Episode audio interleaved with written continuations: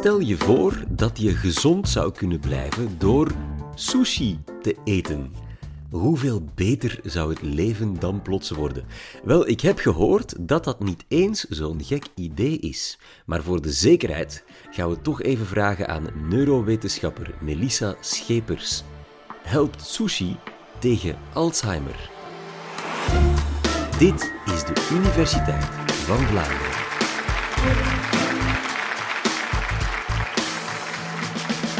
We kennen het allemaal.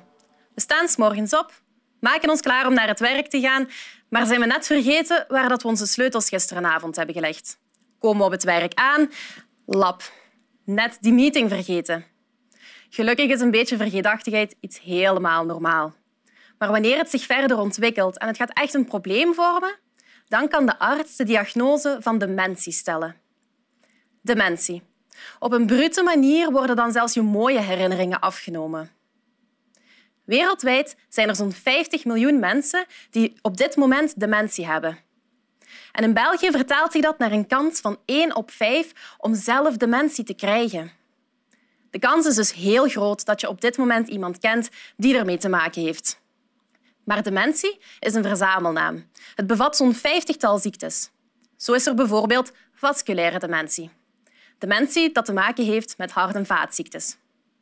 Maar de meest voorkomende en meest gekende vorm van dementie is en blijft toch wel de ziekte van Alzheimer. 70 procent van de mensen die dementie hebben, hebben de ziekte van Alzheimer. En het is daarop dat ik vandaag wat dieper op inga. Want wat gebeurt er net in de hersenen van iemand met Alzheimer? Eigenlijk is de ziekte van Alzheimer een heel sluimerende ziekte dat zich stilletjes aan een weg naar het oppervlakte baant.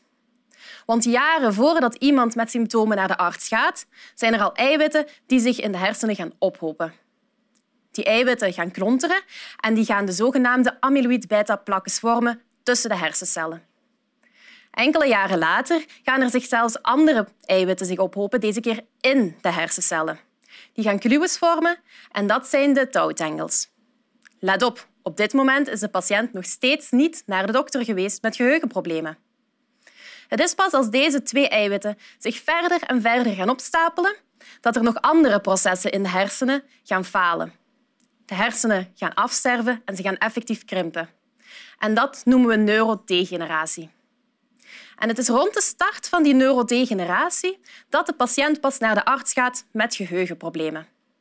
Wanneer we dus de ziekte van Alzheimer willen gaan aanpakken, dan zijn er twee pistes. Eén, we kunnen gaan voor een behandeling. Twee, we kunnen de ziekte gaan proberen te voorkomen of uit te stellen. In het eerste geval, wanneer we gaan voor een behandeling, dan zijn er wat moeilijkheden. Want we moeten dan eigenlijk effectief het hersenweefsel terug gaan herstellen. En op dit moment is dat in die mogelijkheid nog niet te doen. Maar het is een piste dat wel door duizenden onderzoekers over de hele wereld wordt onderzocht. De tweede optie van voorkomen of uitstellen is waar wij ons op focussen. Want wij gaan samen met onze groep vanuit Hasselt, samen met een groep vanuit Rotterdam en Bonn, op zoek naar de link tussen cholesterol en de ziekte van Alzheimer. De oorzaak van de ziekte van Alzheimer is jammer genoeg nog niet gekend. Maar wat we wel weten, is dat de cholesterolbalans hier een belangrijk aspect in speelt. Cholesterol is een bouwsteen dat elke cel in ons lichaam nodig heeft. Maar een teveel aan cholesterol heeft ook zijn nadelen.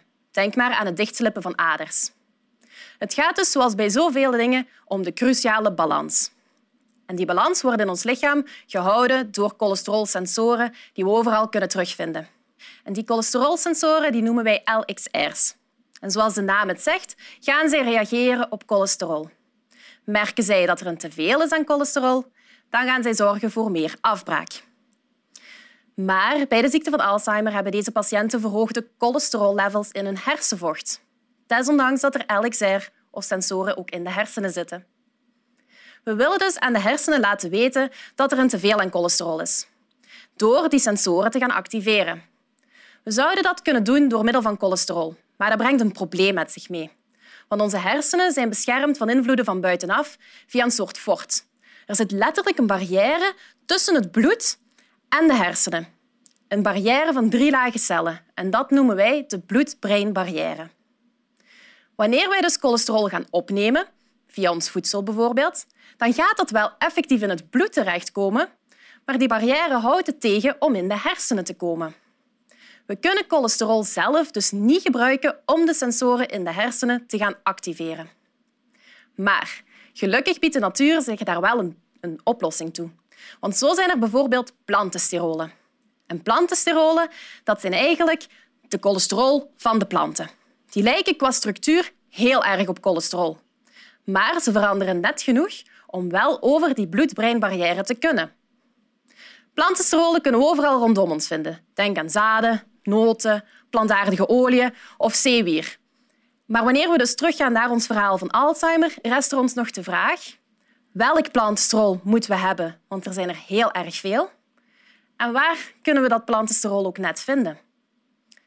Omdat plantensterolen overal om ons heen te vinden zijn, deed ons dat vermoeden dat we het antwoord tegen de ziekte van Alzheimer misschien al die tijd voor onze neus hadden liggen. En daarom zijn we ook begonnen met te zoeken naar welke plantensterolen in ons westers dieet voorkomen.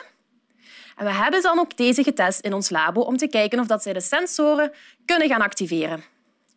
Maar jammer genoeg, de plantensterolen die wij sowieso gaan opeten, zijn niet in staat om te doen wat wij willen. Maar gelukkig, op datzelfde moment, in 2014, publiceerde een groep 7622 kilometer hier vandaan in China een artikel waarin dat zij beschreven dat ze een plantensterol hadden gevonden dat wel in staat was om die sensoren sterk te activeren. Plus het zat nog eens in een zeewier dat zij beschreven, genaamd Hiyiki. Dat moesten we hebben. Dat klonk ons als muziek in de oren en we hebben dan ook de groep in China gecontacteerd. We hebben gevraagd of we hun zeewier mochten testen in de context van de ziekte van Alzheimer. Zo gezegd, zo gedaan. We hebben het zeewier opgestuurd gekregen. We hebben het vermalen en we hebben het gevoerd aan Alzheimermuizen. Alzheimermuizen dat zijn muizen die amyloïd-beta-plakken zullen gaan ontwikkelen naarmate dat zij ouder worden. Daarbij komt ook dat zij geheugenproblemen gaan hebben. En dat geheugen dat testen wij aan de hand van herkenningstaken. Zo'n herkenningstaak dat maakt gebruik van het natuurlijk nieuwsgierige instinct van de muizen. Want wat we precies gaan doen, is we gaan in een voor hun bekende omgeving een object gaan verplaatsen of vervangen. Zij gaan dit ervaren als iets nieuw en ze gaan daar heel nieuwsgierig naar zijn. Zij gaan dat beginnen te onderzoeken. Dat wil zeggen dat zij een werkend geheugen hebben. Doen zij dat niet, dan zullen zij niet opmerken dat het nieuw is en zullen zij gewoon alles evenveel gaan onderzoeken. Wij hebben dat zeewier vermalen aan hun voeding gegeven, gedurende tien weken. En wat zagen wij na die tien weken? Wanneer we hun geheugen gingen testen aan de hand van die herkenningstaken, dan zagen wij dat de dieren die zeewier gekregen hadden in hun voeding veel beter presteerden op de geheugentaken. Sterker nog, ze presteerden even goed als niet-Alzheimer-muizen. Dat wil dus zeggen dat wij het geheugenverlies zeker waren tegengegaan. Wanneer wij dan achteraf ook nog eens naar hun hersenen gingen kijken, dan zagen wij 80% minder van die amyloïd-beta-plakken die zich opgehoopt hadden. 80% dat geeft het indrukwekkende potentieel van het wier toch perfect weer. Nu, hoe komt het dat wij net minder van die amyloïd-beta-plakken zagen? Dat had inderdaad te maken met de activatie van die sensoren in de hersenen.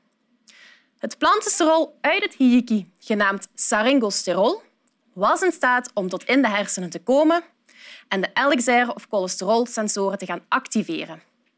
Meer specifiek, ze gingen dit doen in de astrocyten, de steuncellen van de hersenen. Die astrocyten gingen op hun beurt dan weer de amyloïd-beta-eiwitten gaan markeren, nog voordat ze een plakken konden vormen.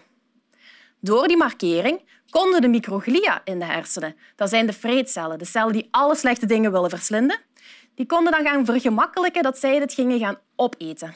Waardoor dat er dus minder amyloïd-beta-eiwitten waren, die ook vervolgens minder plakkes konden gaan maken. En zo waren wij in staat om de ziekte van Alzheimer in het muismodel te kunnen gaan uitstellen. Nu, dat is allemaal wel heel leuk, heel cool en interessant in die muizen, maar wat betekent dat voor de mensen? Wel, als we dit willen vertalen naar een menselijke toepassing, komt dat neer dat we 8 kilo zeewier per dag zouden moeten eten. Ik hoor jullie al denken, 8 kilo zeewier, dat is een beetje te veel van het goede. Inderdaad, daar zijn we niets mee. We willen niet dat iedereen 8 kilo zeewier per dag gaat eten. Dus zijn we bezig aan een serieuze opschaling. Door middel van die opschaling waren wij al in staat om deze 150 gram zeewier om te zetten naar milliliters. We hopen dan ook, door die opschaling verder te doen, dat we effectief genoeg zeewier in een enkel pilletje zullen krijgen. Dus helpt sushi tegen de ziekte van Alzheimer. Jammer genoeg gaan we door het eten van enkel sushi niet de ziekte van Alzheimer kunnen gaan uitstellen. Dit omdat één, 8 kilo sushi misschien een beetje te veel van het goede is. En twee, omdat ook niet het juiste zeewier gebruikt wordt om de sushi te maken. Maar door de opschaling zijn we mogelijk wel in staat om op een natuurlijke manier de ziekte van Alzheimer te kunnen uitstellen. En wie weet, misschien lag het antwoord tegen de ziekte van Alzheimer al die tijd op die 7622 kilometer na effectief voor onze neus. Ja, 8 kilo zeewier per dag, dat is misschien iets te veel van het goede. Laten we hopen dat die anti-Alzheimer-pilletjes er snel komen. Tot dan ben ik er nog om jou eraan te doen denken dat de volgende podcast op je wacht.